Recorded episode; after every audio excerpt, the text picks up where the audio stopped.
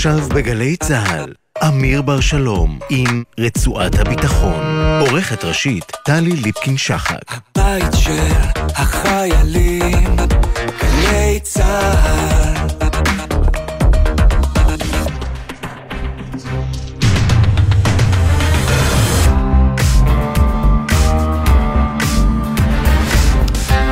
שלום, ערב טוב לכם, רצועת הביטחון של יום אה, שלישי בשבוע.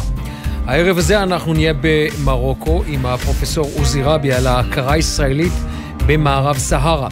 נשוחח גם עם הדוקטור מיכאל ברק על שיתוף הפעולה הלא שגרתי, כך לפחות מדווח בכלי תקשורת ערבים, בין שני ארגוני טרור, דאעש, המדינה האסלאמית, וחיזבאללה הלבנוני. ונסיים עם דני סטרינוביץ', לשעבר ראש ענף איראן בחטיבת המחקר, שטוען במאמר נרחב בזמן ישראל כי חייבים להגיע להסכם גרעין ומהר עם המנהיג הנוכחי, חמינאי, אחרת באמת יהיה מאוחר מדי. אני אמיר בר שלום, אנחנו עם רצועת הביטחון, מתחילים. שלום וערב טוב לפרופסור עוזי רבי, ראש מרכז דיין לחקר המזרח התיכון באוניברסיטת תל אביב. שלום אמיר, ערב טוב. אז אה, עוזי, אולי קודם כל תכניס אותנו אה, אה, למה אה, ההקשר הרחב של הכרה ישראלית במערב סהרה, וצריך לומר, לא הייתה הכרזה רשמית ישראלית, אלא היה פרסום של בית המלוכה של מרוקו, ואחר כך אישור רפה, צריך לומר, של לשכת ראש הממשלה, שאכן ישראל מכירה באזור הזה כטריטוריה אה, מרוקנית. נכון, נכון אמיר, ואני חושב שקודם כל כדאי לזכור סהרה המערבית זה חלק שעד 1975 היה בידי ספרד. אתה יודע, בהיסטוריה של מרוקו היו שתי מעצמות קולוניאליות. אחת זה צרפת שאנחנו רואים אותה ברבת, קזבלנקה וכל הסיפור של מרוקו של אז, אבל חלקים בצפון ובדרום היו בסופו של דבר בידיים של ספרד. סהרה המערבית זה אחד מהם. ספרד יצא ב-75 וזה הפך להיות אזור שנוי במחלוקת. אני אגיד לך איפה הבעיה פה, מרוקו של אז, גם אז הייתה מלוכה, אבל מדינות ערביות ניסו לקחת את הסהרה, להקים שם רפובליקה שתנגח מקרוב את הממלכה. בהתחלה זו הייתה מאוריטניה בתמיכת מצרים, אחר כך באה היריבה הגדולה של מרוקו, אלג'יריה, והיא תומכת בחזית שעובדת נגד מרוקו שם, נקראת חזית הפוליסריו.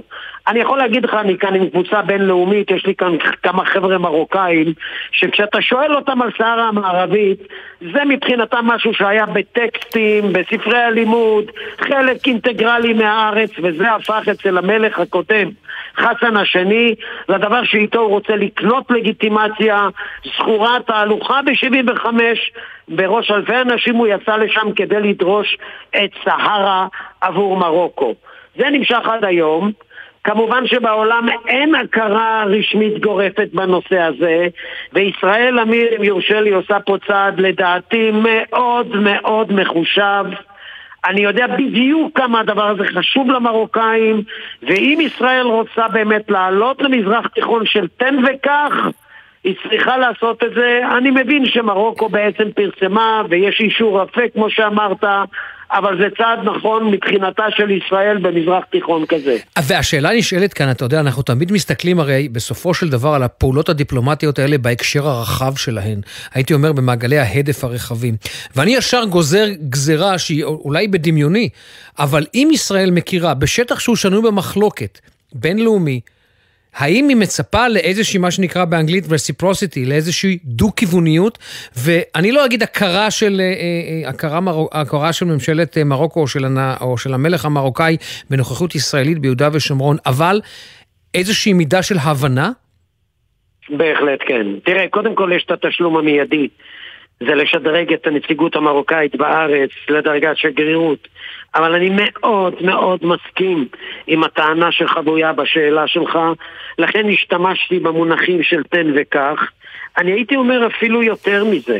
בין ישראל למרוקו מתקיים שיתוף פעולה רב-מערכתי בביטחון, בכלכלה, בחקלאות וטכנולוגיה. אנחנו מכירים את זה מקרוב גם דרך האקדמיה וגם דרך מישורים אחרים. יש כאן ביקורי בכירים. הרמטכ"ל המרוקני צעד על שטיח בקריה בתל אביב. שמע, אלה לא דברים פשוטים. אבל דבר מהסוג הזה הוא עוגן מאוד מאוד חזק שמייצב פה את היחסים, וכן, כל אחד מצפה מהשני לעשות עוד צעדים בדרך, אני לא חושב שזה יהיה פה משהו גורף, אבל זה ייצור אווירה טובה יותר. אם יורשה לי, אני חושב שזה גם הצעד הנכון מבחינת ישראל עצמה, לחזור להסכמי אברהם. לשפר יחסים בסופו של דבר עם המדינות האלה, להיכנס למזרח התיכון שבו לישראל חכמה יש הרבה מה לעשות, וכמובן שאנחנו כמובן לא רוצים להיכנס כאן לסדר העדיפויות ולאג'נדה פה של מה שקורה בישראל, אבל זה הפורט של מי שבעצם החל בזה, וצריך ללכת עם זה כמה שיותר מהר, כי אפשר לגזור הרבה מאוד קופונים פה, וזה יכול להפוך את ישראל למדינה שההתנהלות שלה במרחב הזה קצת יותר קלה, קצת יותר נוחה, יש מספיק אתגרים גם כך. אתה יודע, יש מימד שאנחנו, אה, מי שממש מצוי בענייני ביטחון מבין את העניין הישראלי במערב סהרה, והזכרת קודם לכן את חזית הפוליסריו, ואנחנו רואים שבשנים האחרונות יש שיתוף פעולה הולך ומתהדק בין חזית הפוליסריו לגורמים שיעים, איראנים, חיזבאללאים, אנחנו רואים מעורבות של איראן באזור הזה, וזה מטריד מאוד את אה, ישראל ואת מרוקו, וגם זה... אולי חלק מהתהליך שיצר את, ה, את הנכונות להכרה ישראלית. בהחלט, בהחלט, אדרבה ואדרבה. במרחבים הסחראוויים, כמובן מרחבי מדבר, אנחנו מכירים בסופו של דבר שמשמרות המהפכה שולחים את הזרוע שלהם עד לשם. ראינו את זה בסודאן, ראינו את זה במקומות אחרים. אזורים מדבריים מהסוג הזה, שבמילא יוצאים נגד משטרים פרו-מערביים, ושיש בהם אפשרות להכניס רגל עמוקה, אה, משמרות המהפכה פעילים גם שם, למרות שזה מאוד מאוד רחוק, אבל זה חלק מהסיפור של התמנון, או זרועות התמנון של איראן, זה לא מובהק כמו שאנחנו רואים בלבנון ובסוריה, אבל אני מסכים איתך אמיר, זה קיים שם, זה קיים שם בשנים האחרונות, וזה עוד תוסף שבעצם משפיע על ישראל ללכת בכיוון הזה. אני חושב שהייתה פה החלטה מחושבת, יש כמובן בה איזושהי בעייתיות מסוימת ברמה הבינלאומית, אבל בשורה התחתונה לדעתי ישראל עושה פה צעד בעיתו וצעד מחוכם. עוזי, לך יש תמיד את הפרספקטיבה הרחבה הזו, ואתה הרבה מאוד נמצא אה, במסגרת הסכמי אברהם, אתה הרבה מאוד נמצא במפרץ הפרסי. לא ראינו איזושהי, נכון, איזושהי אה, אה, אה, מחאה או איזשהו מסר של אי נוחות מצד אה, מדינות המפרץ באשר להכרה הזאת. כלומר, מבחינתם זה צעד ישראלי לגיטימי. כן, תראה, מדינות המפרץ מרגישות קצת לא נוח עם דברים אחרים שקורים עם ישראל, אתה יודע, בנושא הפלסטיני, אפשר לומר כך, לא עד כדי קריאת אה, רקמת שיתוף הפעולה כמובן, אבל אין ספק, הסיפור של סערה המערבית זה לא דבר שהם יבקרו את ישראל עליו, להפך, לחדרי חדרים, אולי גם בפומבי, הם יאמרו בסופו של בדיוק, דבר... זו בדיוק הייתה הנקודה שרציתי לדבר עליה, זה יכול מאוד להיות שזה באמת אינטרס שלהם שאנחנו נכיר בזה, כי זה בולם, כמו שאמרת, תמנון איראני. נכון, נכון, ואני אגיד עוד דבר, בין איחוד האמירויות למרוקו, זה מן הידועות, יש בסופו של דבר קשר מאוד מאוד מיוחד, כי המלך של מרוקו ו-NBZ מוחמד בן זייד, הנשיא של האמירויות, למדו ביחד במרוקו שנה אחת באקדמיה המרוקאית, הם מכירים זה את זה, רואים עין בעין, ולכן זה נמצא בתוך הפלטפורמה של הסכמי אברהם, ובמילא של מדינות שבעצם מבקשות לצמצם שולי סיכון, ורואות עין בעין הרבה מאוד דברים שקשורים גם למרחב המזרח תיכוני. כמה אתה חושב, ממש לסיום פרופסור רבי, שהכרה כזאת מקדמת הזמנה רשמית של ראש הממשלה נתניהו למרוקו? זה הצעד uh, שבמוקדם או במאוחר יקרה, זה תלוי כמובן בלוחות הזמנים, אבל אין ספק שעם דבר כזה תהיה כאן שגרירות מרוקנית, ולא ירחק היום שבו נראה ביקור... Uh, uh, כבד, זאת אומרת של ראש ממשלה שם, אני לא רוצה להגיד המלך פה, אבל אתה יודע מה, גם זה כנראה אה, יקרה, אני מאוד מקווה שישראל תלך בכיוונים האלה, כי שם, אמיר, בעצם טמון השביל היותר מואר במזרח התיכון. שם כשהולכים מצמצמים סיכונים ועושים דברים שאיתם בסופו של דבר לא פותרים אולי את כל האתגרים הגדולים, אבל מייצרים, שוב אני אומר, מזרח תיכון הרבה יותר נוח עבור ישראל. אני מקווה שעינינו תחזינה לא בעתיד הרחוק בפירות של הדברים הללו. פרופסור עוזי רבי, ראש מרכז דיין לחקר המזרח התיכון באוניברסיטת תל אביב. עוזי, תודה רבה, ערב טוב. תודה, תודה, ערב טוב.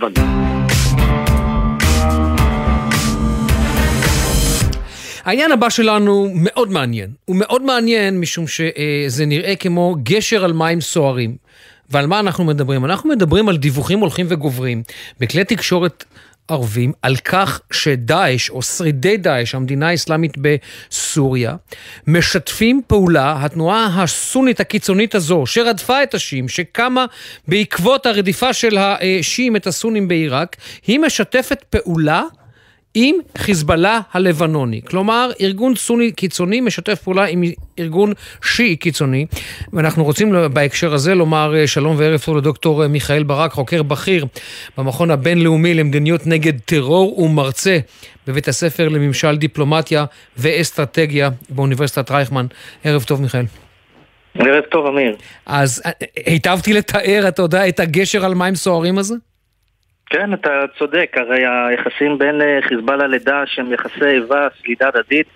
צריך לזכור גם שאחרי מלחמת ה... שאחרי פריצתו של דאעש לתודעה העולמית ב-2014 אה, חיזבאללה ניסה לעזור למשטר הסורי להילחם נגד דאעש וגם למנוע את החדירה של פעילי דאעש לתוך אה, תחומי לבנון. אפילו דאעש הצליח להוציא שני פיגועי התאבדות באזור דרום לבנון, במעון של חיזבאללה. סך הכל היחסים ביניהם הם לא טובים. אבל uh, כמו שציינת, יש באמת uh, שיתוף פעולה. Uh, אם אני אסביר, כן? כן. אנחנו צריכים, יש, המקור לידיעה הזאת, שיש לו כבר אישור מכמה עוד ידיעות, זה המרכז הסורי לניטור זכויות אדם שמנהל רמי עבד אל-רחמן, פעיל אופוזיציונר סורי. עכשיו, אני... שיושב בלונדון, מתייחס... נכון? הוא יושב בלונדון. נכון, נכון, יושב בלונדון. אני תמיד מתייחס בזהירות לגורמי אופוזיציה. אבל המחקר שהוא עשה אה, מגובה במסמכים וגם, אה, אוקיי, רעיונות, רעיון עם איזה בכיר בחיזבאללה אה, וזוכה לאישור בעוד מקורות, עוד מקומות כמו האמירויות. אז לפי המסמך הזה, באפריל 2021 הייתה איזושהי פגישה בין נציגים של משמרות המהפכה האיראנים וחיזבאללה לנציגים של דאעש. עכשיו, מה הסיבה?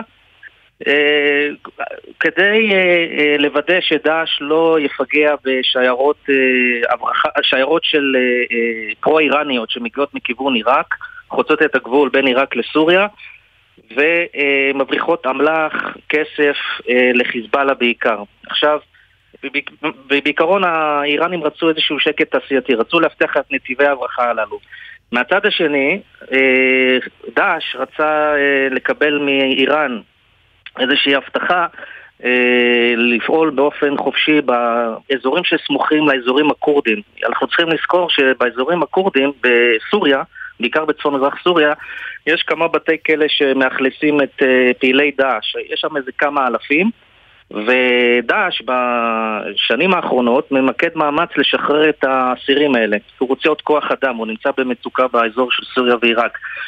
אז כדי לשחרר אותם, אה, הוא הגיע להסכם עם, עם אה, משמרות המהפכה אה, לפעול באופן חופשי באזורים הללו. לא רק זה, גם משמרות המהפכה מספקים אפילו מודיעין לגבי מקומות אסטרטגיים שבהם פעילים הכורדים, כוחות הסורים הדמוקרטיים, SDF, וזהו, ואנחנו, ולפי הדיווחים, דאעש הצליח להוציא פיגוע לא מוצלח בינואר 2022 נגד, באזור, נגד הקל, בית הכלא המרכזי באזור אל-חסקה אה, בצפון סוריה, הוא הצליח לשחרר שם מתוך 3,000 אסירים של דאעש רק 400 אה, אסירים, אבל, אבל עוד פעם, השיתוף פעולה הזה הוא אה, די מדאיג.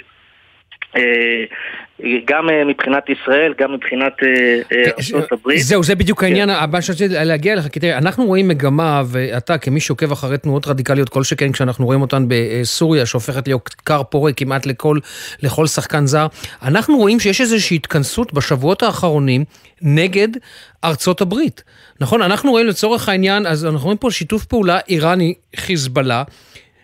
וכמובן שאנחנו אה, מדברים גם על הרוסים, שזה אינטרס מובהק שלהם לדחוק את ארצות הברית מתוך סוריה, אבל המאמץ הזה מתעצם בשבועות האחרונים. נכון. אז, אז קודם כל צריך לזכור שהשיתופי הפעולה האלה בין חיזבאללה לדאעש וגם אה, משמרות המהפכה זה לא מאהבת מרדכי, זה משנאת אה, המן. כלומר, האויב של האויב שלי פתאום נהיה חבר שלי לזמן מסוים, לזמן קצוב. השיתוף פעולה הזה, אם אני אזכיר, לפני שאני אתייחס לשאלה שלך, השיתוף פעולה הזה לדוגמה היה גם כן בין המשטר הסורי אה, לדאעש. אנחנו זוכרים שדאעש השתלט על אה, טריטוריות שהיו שם אה, מאגרי נפט, והמשטר הסורי נואש, היה נואש לקבל את המאגרי נפט האלה כדי לתמוך באוכלוסייה האזרחית, ולכן הוא הגיע לאיזשהו הסכם עם דאעש, דרך איזה איש מתווך, חוסם קטרג'י, איזה איש עסקים סורי שסייע בעסקה הזאת. אז אותו דבר פה, יש לנו גם כן איזשהו שיתוף פעולה בין חיזבאללה לדאעש, שניהם מעוניינים לפגע בכוחות הכורדים ולפגע גם כן אה, בכוחות האמריקאים שנמצאים שם באזור הכורדי אה, ועוזרים למאמץ הכורדי לבלום את ההתקפות של דאעש. אה, במיוחד היום גם כן יש משלחות מארצות הברית למחנה אל-אאול, זה מחנה פליטים שנמצא באזור הכורדי, בצפון מזרח סוריה, יש שם מחנה פליטים של 53 אלף איש אה, מתוכם 90, אלף, אה, מתוכם 90 אחוז אה, נשים וילדים שחשופים לפרופוגנדה של דאעש. כלומר, דאעש מנסה לחדור למחנה פליטים הללו, לשטוף את המוח של הילדים ולצרף עוד כוח אדם אה, לשורות שלו. אז כלומר, ההתמקדות בכורדים וההתמקדות באמריקאים זה אינטרס משותף גם לדאעש וגם אה, לאיראנים, למרות שאחד לא סובל את השני. איפה פה נכנסת ישראל לתמונה? אנחנו יכולים לראות שבשלב מסוים, לצורך העניין, פתאום איזשהו ראש חץ, חיזבאללה, דאעש, איראן נגד ישראל? רמת הגולן למשל? אה, תראה, אז באמת, אני, המגמה הזאת מדאיגה, כל ההברחות של האמל"ח אה, וכספים מאזור עיראק לסוריה ומשם זה מגיע לחיזבאללה, חיזבאללה מתעצם צבאית דרך הנתיבי ההברחה הללו. אה, מה שצריך אני חושב שארצות הברית פה צריכה אה, להתערב, אה, כי בסך הכל המיקוד מאמץ של דאעש זה נגד, ההסכם הזה בין אה, חיזבאללה לדאעש, אה, כדי להתמקד ב...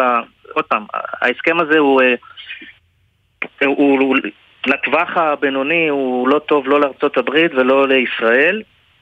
לדעתי ארצות הברית צריכה אה, כמובן אה, להפעיל לחץ על האיראנים, להפסיק את ההברחות האלה, אני לא חושב שזה די מוצלח, לא, הלחץ הזה לא יהיה כזה אפקטיבי. אה, מה שכן, אפשר לתקוף את השיירות הללו שמגיעות אה, מעיראק לסוריה.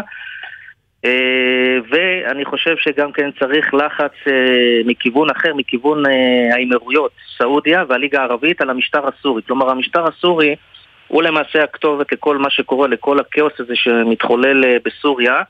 זה מתחיל בהברחות סמים, שההיקף שלהם מגיע להכנסות של 4, של 4 מיליארד דולר, חלק מההכנסות, חלק מהברחות סמים הללו שחיזבאללה אחראי לו וגם הצבא הסורי מגיע לסעודיה, כן. למפרציות וגם אלינו, אלינו לישראל דרך ירדן. אגב, חלק מהמימון, לפי הערכות, מהמימון שהגיע לפעילי טרור בג'נין, הגיע אה, מירדן לארגוני פשיעה ערבים ישראלים פה, ערבים ישראלים שהעבירו את ההכנסות, חלק מהכספים הללו לפעילי טרור אה, בג'נין. כלומר, צריך להילחם נגד, מה שהליגה הערבית עושה כרגע, וגם הסעודים והאמירתים וגם ירדן, מפעילים לחץ על אסד כדי לעצור את ההברחות כן. סמים, במיוחד את הסם קפטגון. אותו דבר צריך לעשות, אותו דבר להפעיל לחץ על סוריה. שהם יתערבו ויפסיקו את השיתוף פעולה הזה בין חיזבאללה לדאעש, כי עוד פעם, בזיכרון הקולקטיבי של העם הסורי, דאעש טבח בהרבה אה, סורים, וזה, וזה כמובן פוגע גם בפרסטיג'ה ובמוניטין של המשטר הסורי שהוא מאפשר כזה דבר. כן. כלומר, המשטר הסורי זה הכתובת, הפעלת לחץ. כמובן צריך גם כן מיקוד מאמץ צבאי מצד ארצות הברית, להתמקד אה, בשיירות הברכה הללו. דוקטור מיכאל ברק, מאוניברסיטת רייכמן, תודה, ערב טוב. תודה רבה.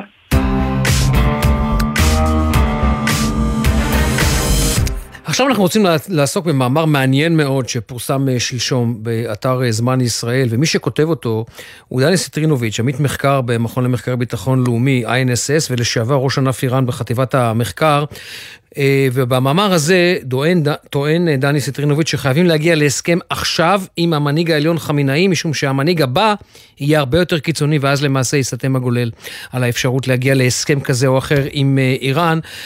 ומי שמצטרף אלינו, אלינו עכשיו הוא דני סטרינוביץ', דני, ערב טוב, אני אומר לך כבר תודה שאתה מצטרף אלינו מארצות הברית. ערב טוב, צהריים טובים לך, אמיר ולמאזינים. אז קודם כל, תסביר לנו את התזה שלך, המאוד מאוד מעניינת והלא שגרתית הזו, שאומרת, הסכם כאן ועכשיו עם חמינאי הוא כתובת. אה, קודם כל, כדי להבין את התזה צריך לזכור איפה איראן נמצאת במאמצי הגרעיניים. איראן אה, שני אתרי השערה אה, מוגנים ומוגנים, בנתנס ובפורדו, היא מעשירה היום ל-60% בתתפרות מתקדמות לסוג ה-R6, ולמעשה היא מרחק החלטה ולא אתגר טכנולוגי מהשערה ל-90% רמת השערה צבאית. במצב הנוכחי באמת אין הרבה אופציות טובות, יש הרבה אופציות לא טובות.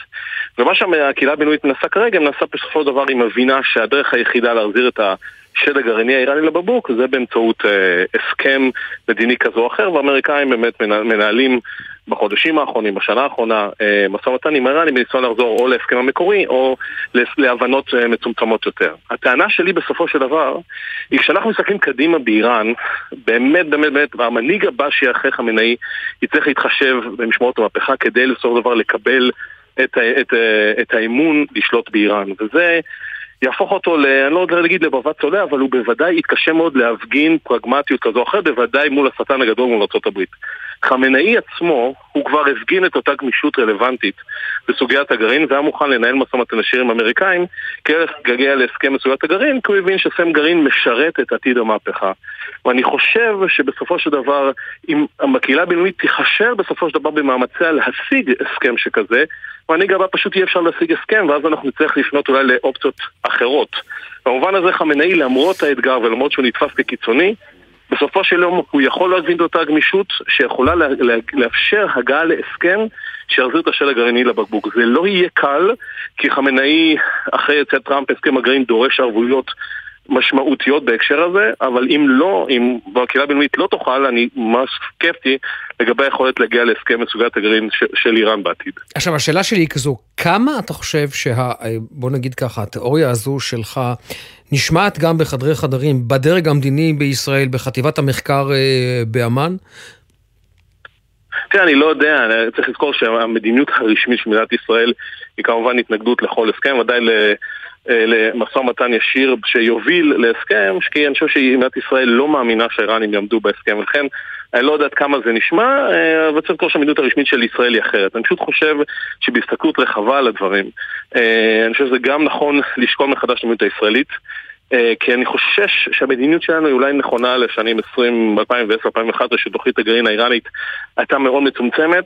עכשיו שאיראן עמוק מתבססת, כמו שנקרא, במרחב הסף, נמצאת, והיא הלכה למעשה מדינת סף גרעינית. אנחנו צריכים לדעתי לחשוב מחדש מדיניות שלנו, אבל באופן כללי אני חושב שמול האופציות, ש... מול הקהילה הבינלאומית, מול ישראל, האופציה שהיא אולי הטובה ביותר, או הטובה מבין האופציות הגרועות, היא באמת משא ומתן, ואני חושב שזה נכון לשקול מחדש את העמדה, לפחות בהקשר הזה. אתה יודע, אני רוצה רגע לאתגר את התיאוריה שלך אה, משמאל. מי אמר שהמנהיג הבא יבוא דווקא משורות השמרנים?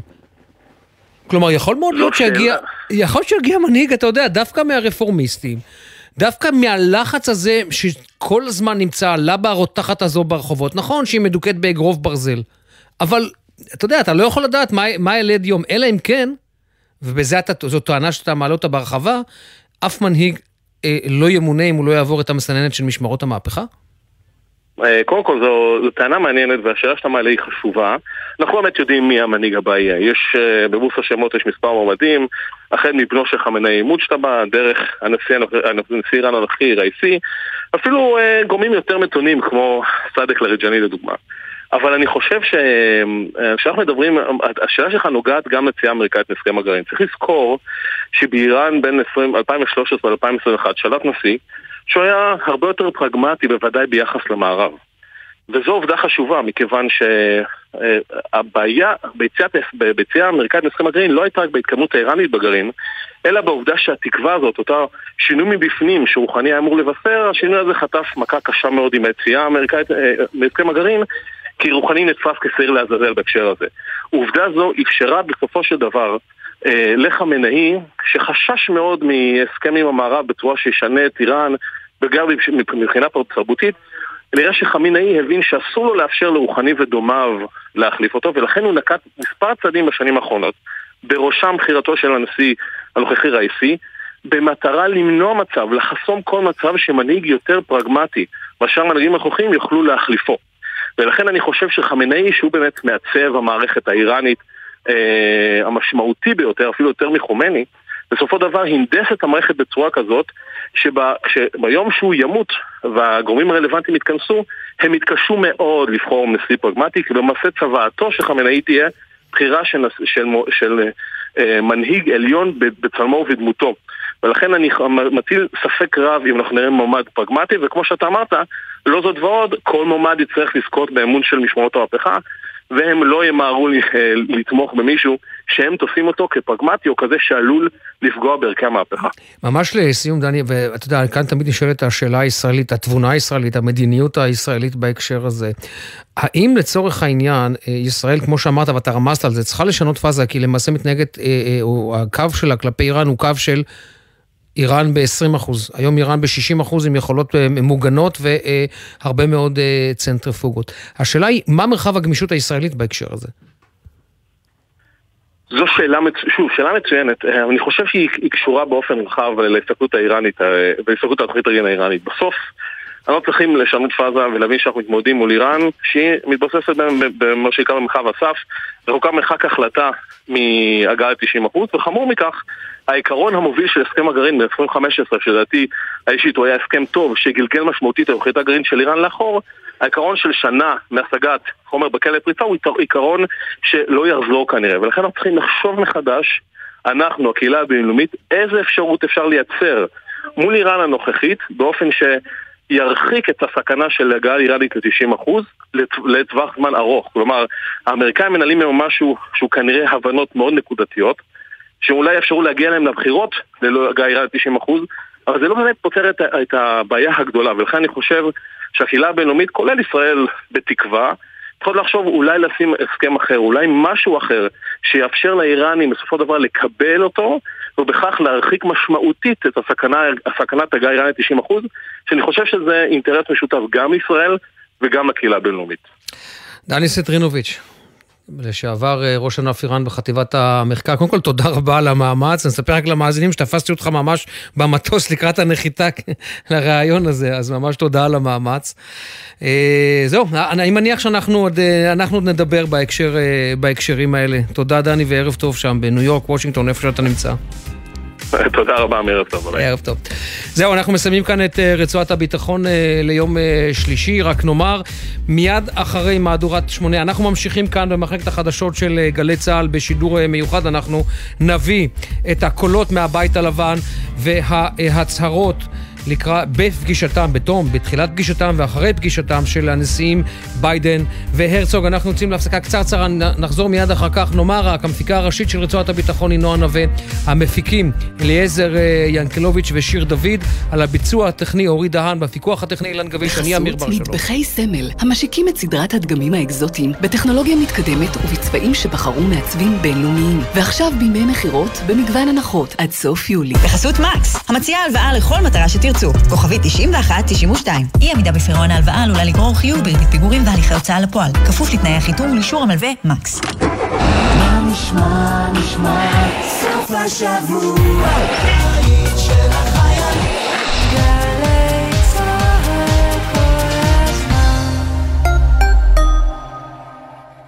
עשר, עשרים, שלושים אל תהיו ילדים, אזור העסקים חולון מזמין אתכם לשחק במגרש של הגדולים. רק 15 דקות מתל אביב. אתם מוזמנים להצטרף למגוון החברות במשק שכבר החליטו. אזור העסקים חולון. שלום, כאן רב סרן יפתח רוטשילד, מפקד קורס קציני שריון בחטיבה 460. לציון יובל למלחמת יום הכיפורים, אני מזמין אתכם, לוחמי החטיבה ומשפחות הנופלים, לעצרת חטיבה 460. זו לנו הזדמנות להוקיר אתכם הלוחמים ולזכור את הנופלים במלחמה, שהם לנו מקור לרוח, לשליחות ול... העוצמה. ניפגש ביום ראשון, ה' באב, 23 ביולי, ב-5 לפנות ערב, ביד לשריון לטרון. לפרטים ולהרשמה, התקשרו לטלפון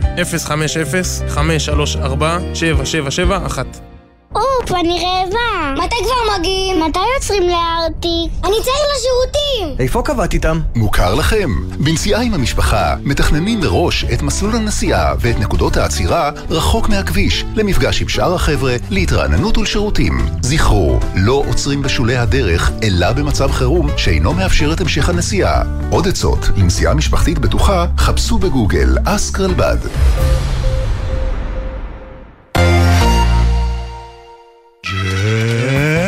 ג'ם, ג'ם, ג'ם, ג'ם, ג'ם, ג'ם, ג'ם, הג'ם, ג'ם, ג'ם, ג'ם, ג'ם, ג'ם, ג'ם. הג'ם של קוטנר.